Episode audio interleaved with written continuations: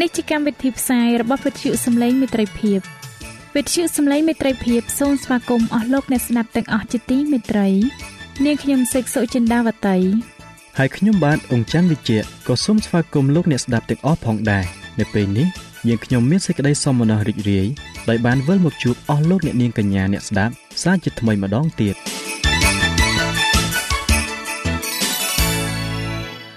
នាងខ្ញុំសេកសុចិន្តាវតី សូមជម្រាបជូនកម្មវិធីផ្សាយដែលមានជាបន្តបន្ទាប់ដូចតទៅ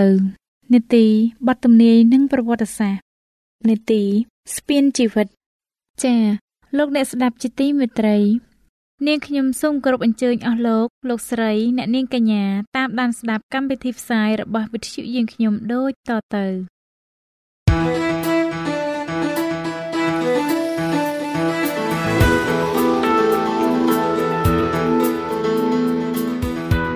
សូមជូននីតិបទទំនាយនិងប្រវត្តិសាស្ត្រ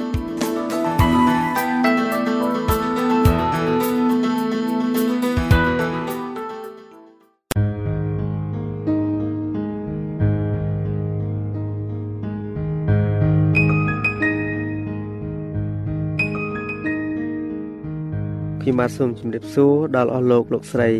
និងប្រិយមិត្តអ្នកស្ដាប់វិទ្យុសំឡេងមិត្តភាពជាទីមេត្រី សូមឲ្យលោកអ្នកបានប្រកបដោយព្រះគុណរបស់ព្រះតាមរយៈមេរៀននៅថ្ងៃនេះ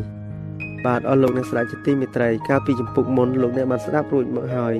អំពីកិច្ចការរបស់ព្រះគ្រីស្ទដែលព្រះអង្គកំពុងតែធ្វើនៅសប្តាហ៍នេះហើយនៅថ្ងៃនេះវិញខ្ញុំបាននឹងនាំយកនៅចម្ពុកថ្មីដ៏អស្ចារ្យមួយទៀតសម្រាប់លោកអ្នកបាទសំណួរសួរថាតើហេតុអ្វីបានជាគ្រីស្ទបរិស័ទដែលថ្វាយបង្គំព្រះនៅថ្ងៃអាទិត្យឆ្នាំម្លេះលោកអ្នកពិតជាបានជ្រាបរួចមកហើយតាមរយៈមេរៀនមុនមុនថាតើអ្នកណាជាអ្នកផ្លាស់ប្ដូរ ច្បាប់របស់ព្រះពីថ្ងៃសៅរ៍ទៅថ្ងៃអាទិត្យតែច្បាប់របស់ព្រះមនុស្សមានសិទ្ធិផ្លាស់ប្ដូរបានតាមតែចិត្តរបស់មនុស្សដែរឬទេ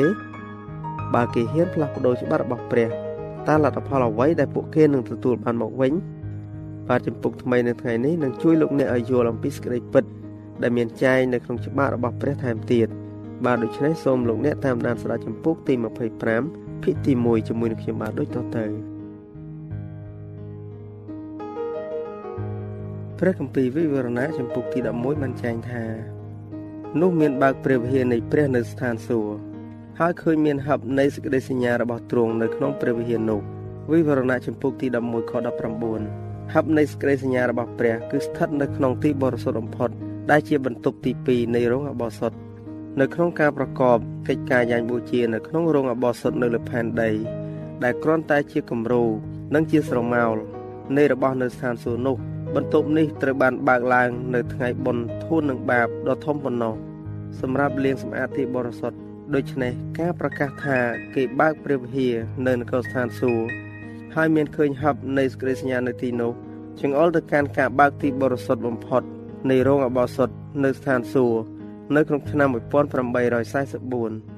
នៅគ្រានោះហើយដែលព្រះគ្រីស្ទបានយាងចូលទៅក្នុងបន្ទប់ដើម្បីប្ររពកិច្ចការលោបាប អ្នកដែលដើរតាមសម្ដេចសង្ឃរបស់ខ្លួនដោយជំនឿនៅពេលដែលទ្រង់ផ្ដើមការងាររបស់ទ្រង់ក្នុងទីបរិសុទ្ធបំផុតនោះពួកគេបានឃើញហັບនៃសេចក្តីសញ្ញារបស់ព្រះអង្គនៅពេលដែលពួកគេសិក្សាកម្មវត្ថុនៃរោងអបោសុតគេបានយល់ពីការផ្លាស់ប្ដូរកិច្ចការរបស់ព្រះអង្គសង្គ្រោះហើយគេបានឃើញថាឥឡូវនេះទ្រង់កំពុងប្រកបករណីយកិច្ចនៅចំពោះហັບរបស់ព្រះហັບនៅក្នុងរោងអបោសុតនៅលើផែនដីមានបន្ទះថ្មពីរផ្ទាំងដែលជារកក្រឹតវិន័យរបស់ព្រះ នៅពេលដែលព្រះវិហាររបស់ព្រះបានបើកឡើងនៅនគរសានសួគ៌ហັບនៃសេចក្តីសញ្ញាក៏ត្រូវបានឃើញនៅក្នុងក្រអៅនៃទីបរិសុទ្ធបំផុតនៅឋានសួគ៌មានក្រឹតវិន័យដ៏ពិសិដ្ឋតម្កល់នៅទីនោះគឺជាក្រឹតវិន័យដែលបានមានព្រះបន្ទូលដោយព្រះហើយបានសរសេរដោយព្រះអង្គលីរបស់ទ្រង់នៅលើបន្ទះថ្មអ្នកដែលបានយល់មកដល់ចំណុចនេះបានឃើញដោយពុំដែលឃើញពីមុននៅអត្ថន័យដ៏ជ្រាលជ្រៅនៃព្រះបន្ទូលរបស់ព្រះអង្គសង្គ្រោះដែលថា និងគ្មានបាំងឈើមួយឬក្បៀសមួយ នៅក្នុងក្រឹតវិន័យត្រូវបានបាត់ឡើយដរាបដល់មេឃនិងផែនដីបានកន្លងបាត់ទៅម៉ាថាយចំពុកទី5ខ18ក្រឹតវិន័យរបស់ព្រះ ដែលបើកសម្ដែងព្រះハរតីរបស់ទ្រង់ហើយជាចំណាចរិតនៃលក្ខណៈរបស់ទ្រង់ត្រូវតែស្ថិតស្ថេរជាដរាប ក្នុងក្រអៅនៃបទបញ្ញត្តិមានបញ្ញត្តិនៃថ្ងៃជុសម្រាកព្រះវិញ្ញាណរបស់ព្រះ បានធ្វើការនៅក្នុងចិត្តនៃសិស្សដែលបានសិក្សាព្រះបន្ទូលរបស់ទ្រង់ថាគេបានប្រព្រឹត្តរំលងសិក្ខាបទនេះដោយមិនដឹងខ្លួន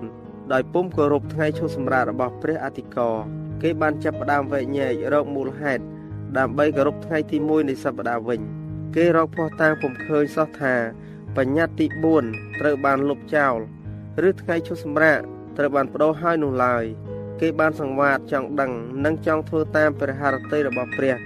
ដោយអស់ពីចិត្តហើយឥឡូវនេះគេសម្ដែងភាពស្មោះត្រង់ដល់ព្រះ ដោយរក្សាថ្ងៃឈប់សម្រាករបស់ព្រះឲ្យបានបរិសុទ្ធវិញ មានមនុស្សជាច្រើន បានខិតខំដើម្បីរំលាយជំនឿនៃពួកបរិសុទ្ធទាំងឡាយគ្មាននរណាម្នាក់ដែលពុំយល់ថាការទទួលជឿសេចក្តីពិត ស្ដីអំពីរោគអបោសុតនៅនៅក្នុងស្ថានសួគ៌នោះតាក់ទងទៅនឹងការទៀមទានៃក្រឹតវិន័យរបស់ព្រះ និងថ្ងៃជុសម្រាកនៃបញ្ញត្តិទី4សោះឡើយ នេះជាអាចកំបាំងនៃអ្នកដែលតស៊ូជំទាស់នឹងការវិពន្ធនាដ៏ជាក់លាក់នៃបទកម្ពីដែលសម្ដែងអំពីកិច្ចការរបស់ព្រះគ្រីស្ទនៅក្នុងរោងអបោសុតនៅក្នុងស្ថានសួគ៌មនុស្សបានស្វះស្វែងរកបិទទ្វារដែលព្រះបានបើកហើយបើកទ្វារដែលទ្រង់បានបិទប៉ុន្តែព្រះគ្រីស្ទបានបើកទ្វារដើម្បីប្រកបការងារនៅក្នុងទីបរិសុទ្ធបំផុតបញ្ញត្តិទី4ក៏បាននៅក្នុងក្រឹតវិន័យដែលតម្កល់នៅទីនោះដែរអ្នកដែលទទួលពន្លឺស្ដីអំពីការសម្រុះសម្រួលនៃព្រះគ្រីស្ទ និងក្រឹតវិន័យរបស់ព្រះ បានដឹងថាប្រការទាំងនេះ ជាសេចក្តីពិត នៃគម្ពីរវិវរណៈជំពូកទី14ដែលជាការប្រមាន3លើកដើម្បីរៀបចំអ្នកដែលរស់នៅផែនដីសម្រាប់ការយាងមកជាលើកទី2របស់ព្រះអម្ចាស់ការប្រកាសដែលថាពេលវេលាដែលទ្រង់ត្រូវជំនុំជម្រះនោះបានមកដល់ហើយប្រាប់ឲ្យដឹងពីសេចក្តីពិតមួយ ដែលត្រូវតែប្រកាសលុះដល់ការអង្វររបស់ព្រះអង្គសង្គ្រោះនឹងត្រូវឈប់ហើយទ្រង់នឹងត្រឡប់ មកយកវិជារះរបស់ទ្រង់ទៅវិញ ការជំនុំជម្រះដែលបានចាប់ផ្ដើមនៅក្នុងឆ្នាំ1844ត្រូវតែបន្តទៅមុខរហូតដល់ក្តីទាំងអស់ត្រូវបានសម្រេចទាំងអ្នករស់នៅនិងអ្នកស្លាប់ដូច្នេះការជំនុំជម្រះនេះនឹងបញ្ជាដល់ទីបញ្ចប់នៃពេលវេលាទុកឲ្យមនុស្សកែប្រែចិត្តដើម្បីឲ្យមនុស្សទាំងពួងអាចរៀបចំខ្លួនដើម្បីឈរនៅក្នុងទីជំនុំជម្រះបាន ព្រះរាជសារបានបង្គាប់ឲ្យគេកោតខ្លាចព្រះ ហើយសរសើរសិរីល្អរបស់ទ្រង់ហើយចូលថ្វាយបង្គំព្រះដ៏ជាអ្នកបង្កើតផ្ទៃមេឃផែនដីសមុទ្រនិងរន្ធទឹកទាំងប៉ុន្មានផងលទ្ធផលនៃការទទួលព្រះរាជសារទាំងនេះ គឺបានចែកមកហើយថា នេះហើយជាសេចក្តីអត់ធ្មត់របស់ពួកបរិសុទ្ធដែលកាន់តាមបញ្ញារបស់ព្រះ ហើយមានសេចក្តីជំនឿជឿដល់ព្រះយេស៊ូវវិវរណៈចំពុកទី14ខ7និងខ12ដើម្បីរៀបចំខ្លួនសម្រាប់ការជំនុំជម្រះ មនុស្សត្រូវរក្សាក្រឹតវិន័យរបស់ព្រះ ដែលជាຂ្នាតនៃចរិតនៅក្នុងការវិនិច្ឆ័យសាវកប៉ុលបានមានប្រសាសន៍ថាអស់អ្នកណាដែលធ្វើបាបនៅក្នុងក្រឹតវិន័យនោះត្រូវក្រឹតវិន័យជំនុំជម្រះវិញ ក្នុងថ្ងៃដែលទ្រង់នឹងជំនុំជម្រះអស់ទាំងការលាក់កំបាំងរបស់មនុស្សដោយសារព្រះគ្រីស្ទគឺបានរាប់ជាសុចរិតតែពួកអ្នកដែលប្រព្រឹត្តតាមក្រឹតវិន័យតែប៉ុណ្ណោះទេសេចក្តីជំនឿគឺមានសារៈសំខាន់ណាស់នៅក្នុងការរក្សាក្រឹតវិន័យរបស់ព្រះ ព្រោះបើឥតមានសេចក្តីជំនឿទេនោះមិនអាចនឹងគប់ប្រហារតីរបស់ព្រះបានឡើយត្បិតការទាំងប៉ុន្មានដែលធ្វើដោយឥតមានសេចក្តីជំនឿនោះសិតតែជាបាបទាំងអស់រ៉ូមជំពូកទី2ខ12ដល់ខ16ហេព្រើរជំពូកទី11ខ6រ៉ូមជំពូកទី14ខ23ទេវតាទី1បានហៅមនុស្សឲ្យកោតខ្លាចព្រះហើយសរសើរសិរីល្អរបស់ទ្រង់ព្រមទាំងឲ្យថ្វាយបង្គំទ្រង់ដែលជាអ្នកបង្កើតផ្ទៃមេឃនិងផែនដីដើម្បីធ្វើការនេះទៅបាន គេត្រូវគោរពក្រឹតវិន័យរបស់ទ្រង់ដោយគ្មានការប្រព្រឹត្តតាមនោះគ្មានគោលការណ៍ណា ដែលអាចគប់ប្រហារតីដល់ព្រះបានឡើយត្បិតនេះហើយជាសេចក្តីស្រឡាញ់ដល់ព្រះ គឺឲ្យយើងកាន់តាមបញ្ញារបស់ទ្រង់យូហានទី1ចំពុកទី5ខ3បាទព្រះយមនិស្ដាប់ជាទីមេត្រី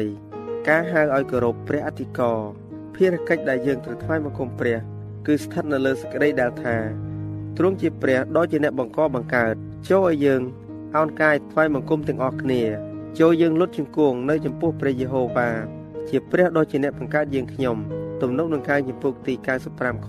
6ចំពុកទី100ខ3អេសាយចំពុកទី40ខ25និងខ26និងចំពុក45ខ18នៅក្នុងវិវរណៈចំពុកទី14មនុស្សត្រូវបានហៅឲ្យគោរពព្រះអធិការហើយរក្សាបទបញ្ញត្តិរបស់ទ្រង់មានបញ្ញត្តិមួយនៅក្នុងបញ្ញត្តិទាំងនេះ ដែលចង្អុលទៅថាព្រះជាអ្នកបង្កបង្កើតរីឯថ្ងៃទី7នោះគឺជាថ្ងៃឈប់សម្រាកសម្រាប់ថ្វាយបង្គំព្រះយេហូវ៉ានៃឯងត្បិតក្នុង6ថ្ងៃព្រះយេហូវ៉ាទ្រង់បានធ្វើផ្ទៃមេឃផែនដីហើយនិងសមុទ្រព្រមទាំងរបស់សត្វសារពើនៅស្ថានទាំងនោះដែររួចថ្ងៃទី7ទ្រង់ឈប់សម្រាកហេតុនោះ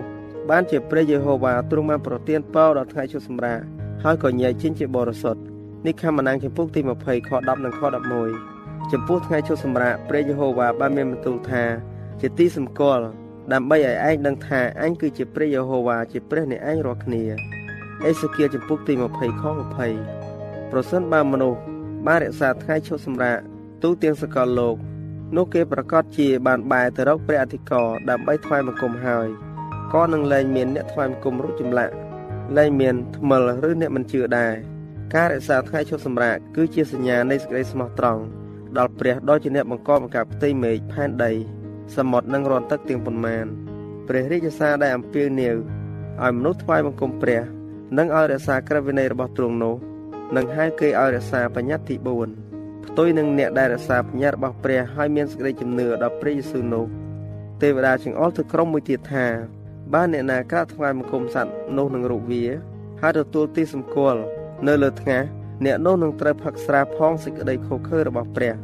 វិវរណៈចម្ពុកទី14ខ10និងខ11តើអ្វីទៅដែលតំណាងដោយសត្វរូបវានិងទីសម្គាល់របស់វានោះអស់លោកអ្នកស្ដាប់ជាទីមេត្រី នៅភាគទី2នៃចម្ពុកនេះលោកអ្នកនឹងបានស្ដាប់ថាតើអ្វីទៅដែលជាតំណាងសត្វរូបរបស់វានិងទីសម្គាល់របស់វានោះបាទសូមអស់លោកអ្នកតាមដានស្ដាប់នៅភាគទី2នៃចម្ពុកនេះនៅក្នុងកម្មវិធីរបស់យើងលើកក្រោយ ចា៎ដោយពេលវេលាមានកំណត់យើងខ្ញុំសូមអនុទីបទទំនាយនិងប្រវត្តិសាស្ត្រត្រឹមតែប៉ុណ្ណឹងសិនចុះដោយសន្យាថានឹងលើកយកនៅទីនេះមកជម្រាបជូនជាបន្តទៀតនៅថ្ងៃអង្គារសប្តាហ៍ក្រោយ សូមអរគុណ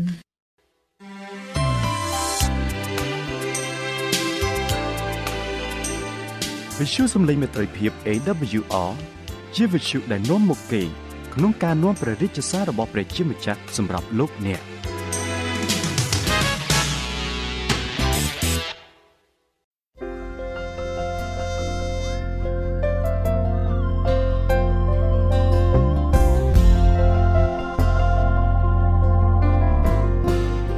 ខ្ញុំបាទសូមជម្រាបសួរអស់លោកអ្នកស្ដាប់ជាទីមេត្រីសូមឲ្យអស់លោកអ្នកនាងបានប្រកបដោយព្រះគុណនិងសេចក្តីសុខសាន្តពីព្រះវរបិតានៃយើង និងពីព្រះយេស៊ូវគ្រីស្ទខ្ញុំបាទមានអំណរណាស់ដែលបានវិលមកជួបលោកអ្នកនាងសាជាថ្មី នៅក្នុងនេតិស្ពានជីវិតនេះម្ដងទៀតហើយនៅថ្ងៃនេះខ្ញុំបាទសូមលើកយកមេរៀនទី5ដដែលតែភាគ2ជាភាគបញ្ចប់ដែលមានចំណងជើងថា ការទុកចិត្តព្រះនៅគ្រាមានអាសន្ន បាទកាលពីភាគមុនខ្ញុំបាទបានជម្រាបជូនពីចំណុចទី1រួចមកហើយដែលនិយាយពីមូលហេតុនៃការពិបាកនៅពេលនេះខ្ញុំបាទសូមជម្រាបជូននៅចំណុចទី2វិញម្ដងថាតើចំណុចទី2នេះនឹងនិយាយអំពីអ្វីដែរដូច្នេះខ្ញុំបាទសូមគោរពអញ្ជើញលោកអ្នកតាមដានស្ដាប់មេរៀនទី5ភាគ2ជាភាគបញ្ចប់នេះជាមួយខ្ញុំបាទដូចតទៅបាទចំណុចទី2និយាយពីការជឿចាប់មិនមែនមកពីព្រះទេ ព្រះគម្ពីរយោបបាននិយាយអំពីបរិសម្នាក់ដែលមានជំនឿលើព្រះយ៉ាងខ្លាំង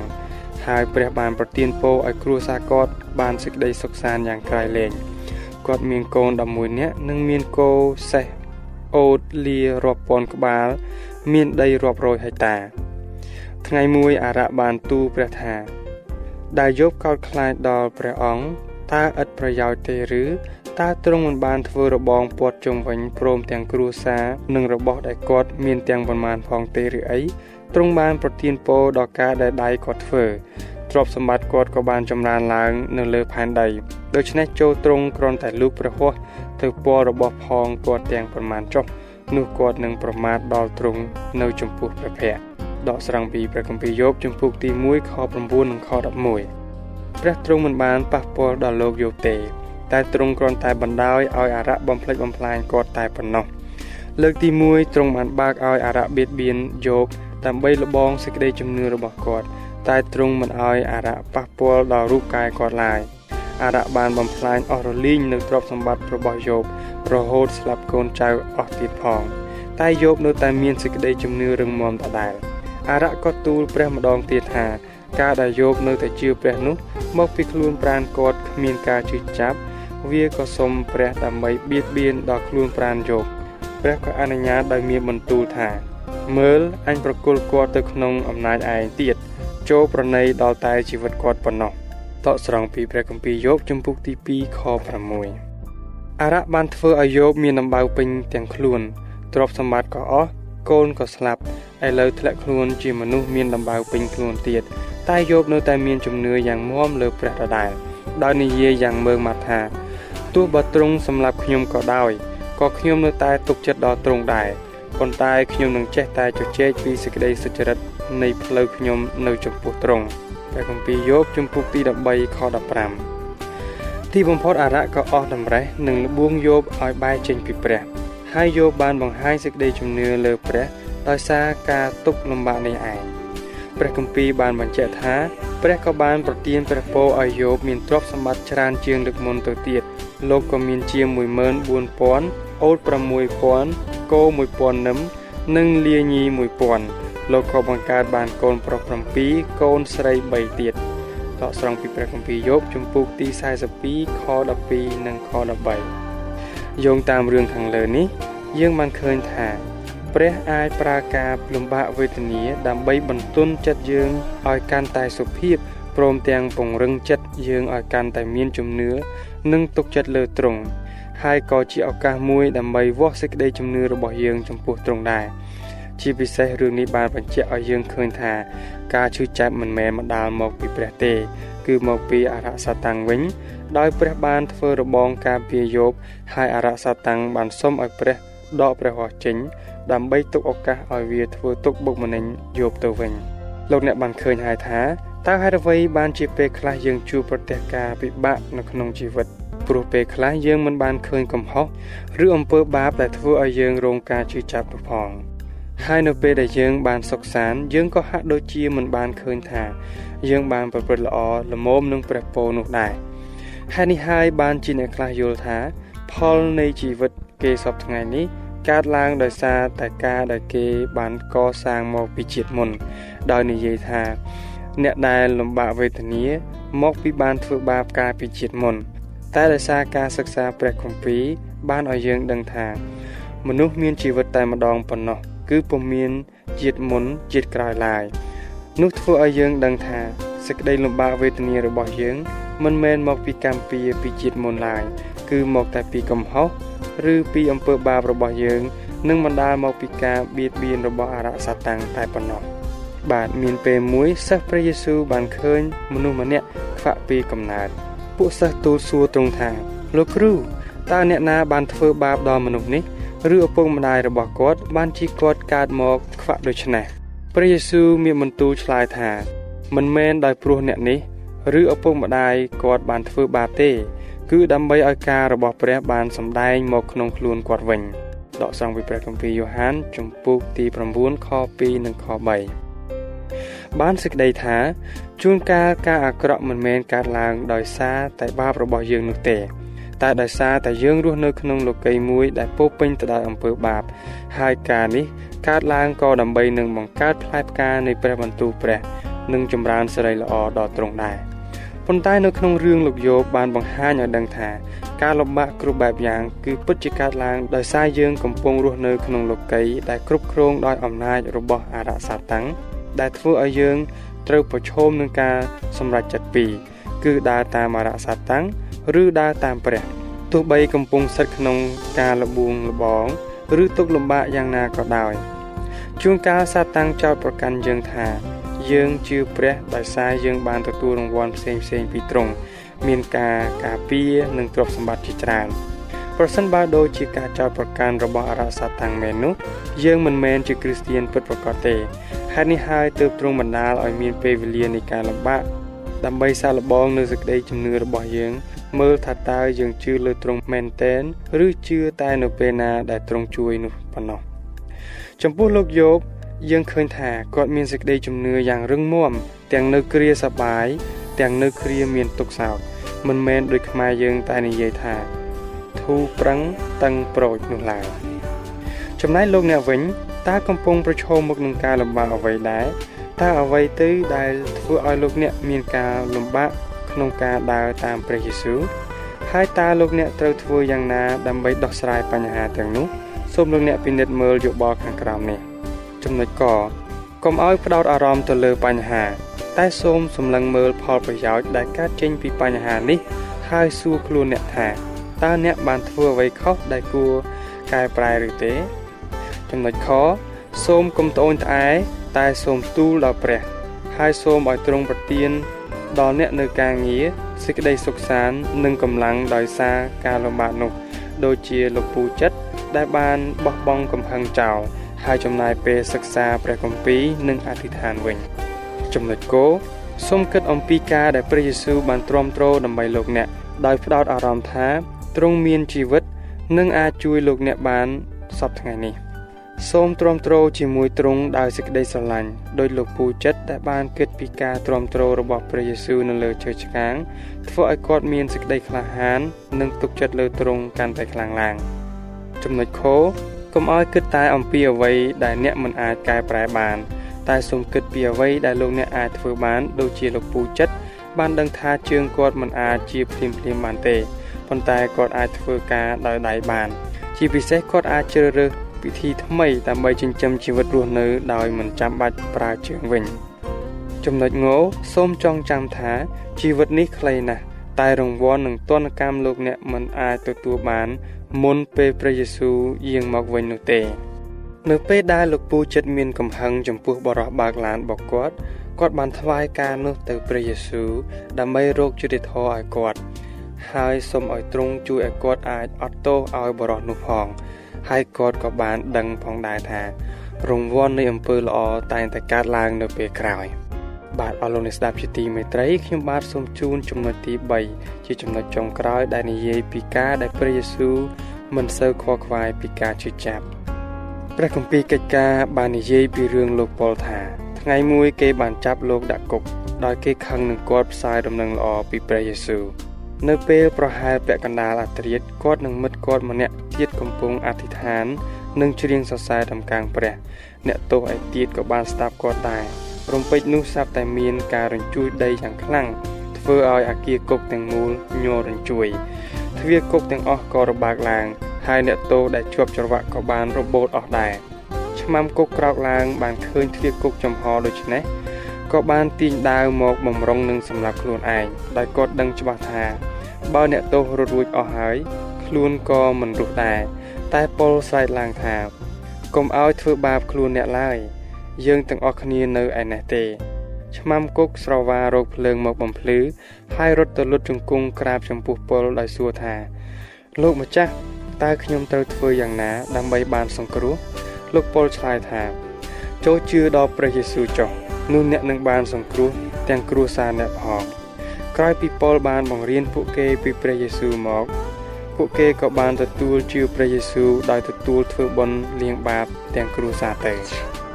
យើងហាក់ដូចជាមានការភ័ន្តច្រឡំបន្តិចពីមុនដោយគិតថាជីវិតសុខសាន្តគឺជាជីវិតដែលសប្បាយរីករាយមានលុយកាក់ច្រើនឬគ្មានទុក្ខទោស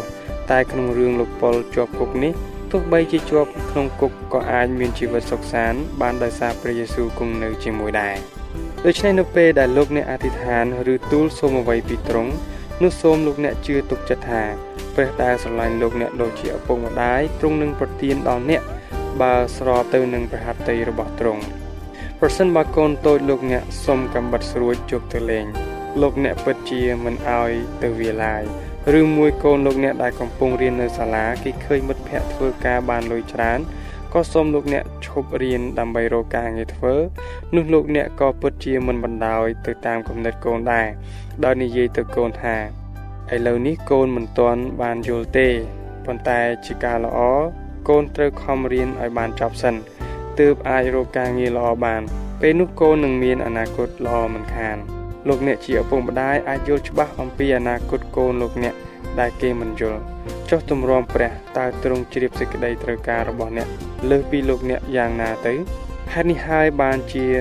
មានពេលខ្លះយើងបានសុំរបស់ផ្សេងផ្សេងពីទ្រង់តែទ្រង់មិនប្រទានឲ្យយើងទេសូមលោកអ្នកយកគំរូតាមលោកយកចុះទោះពេលអសប្បាយឬទុកលំបាកក្តី សូមនៅតែទុកចិត្តលើទ្រង់ជានិច្ច អរលោកអ្នកស្ដាប់ជាទីមេត្រីខ្ញុំបាទសូមជូននៅសំណួរខ្លះៗសម្រាប់លោកអ្នកធ្វើការពិចារណា សំណួរទី1តើលោកអ្នកធ្លាប់មានបញ្ហាក្នុងឆាកជីវិតឬទេ សំណួរទី2តើលោកអ្នកគិតថាបញ្ហានោះបណ្ដាលមកពីអ្វី សំណួរទី3ហហេតុអ្វីបានជាព្រះគម្ពីររ៉ូមជំពូកទី5ខ3និងខ4បានសម្ដែងថា មានអំណរនៅគ្រាមានទុក្ខលំបាកទៅវិញ សំណួរទី4តើអ្នកណាធ្វើឲ្យយោបមានទុក្ខវេទនាសំណួរទី5តើសេចក្តីលំបាករបស់យោបបង្ហាញថាគាត់ជាមនុស្សបែបណាសំណួរទី6បើលោកអ្នកចាប់ដើមជឿព្រះយេស៊ូវហើយហើយជួបនឹងគ្រោះថ្នាក់ណាមួយតើលោកអ្នកនឹងឈប់ដើរតាមព្រះយេស៊ូវឬមួយយ៉ាងណាព្រោះអ្វីបាទអរលោកអ្នកស្ដាប់ជាទីមេត្រី ពេលវេលានៃនីតិស្ពានជីវិតរបស់យើង បានមកដល់ទីបញ្ចប់ហើយហើយចំពុកទី5ដែលនិយាយពីការទុកចិត្តព្រះនៅគ្រាមានអាសន្ននោះក៏សន្មត់ថាចប់ដោយបរិបូរហើយដែរហើយខ្ញុំបាទនឹងវិលមកជួបលោកអ្នកនាងម្ដងទៀតនៅក្នុងនីតិរបស់យើងលើកក្រោយ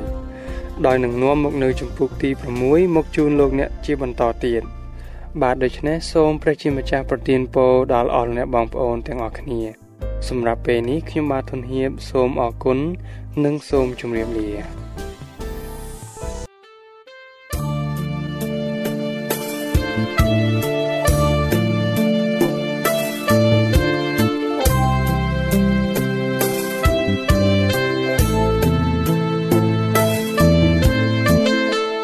បើសិនជាលោកអ្នកមានសំណួរ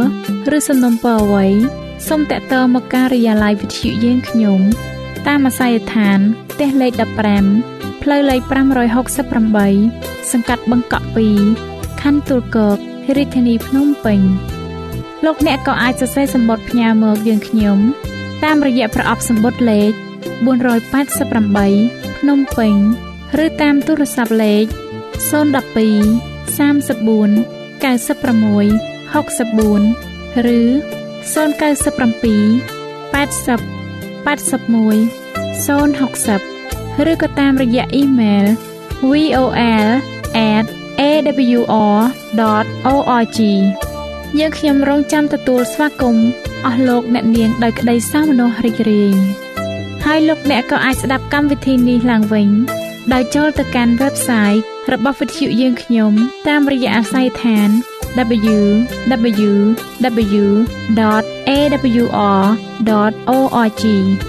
លោកអ្នកនាងកញ្ញាជាទីមេត្រី កម្មវិធីផ្សាយរបស់វិទ្យុសំឡេងមេត្រីភាពនៅពេលនេះសូមបញ្ចប់តែប៉ុណ្ណេះ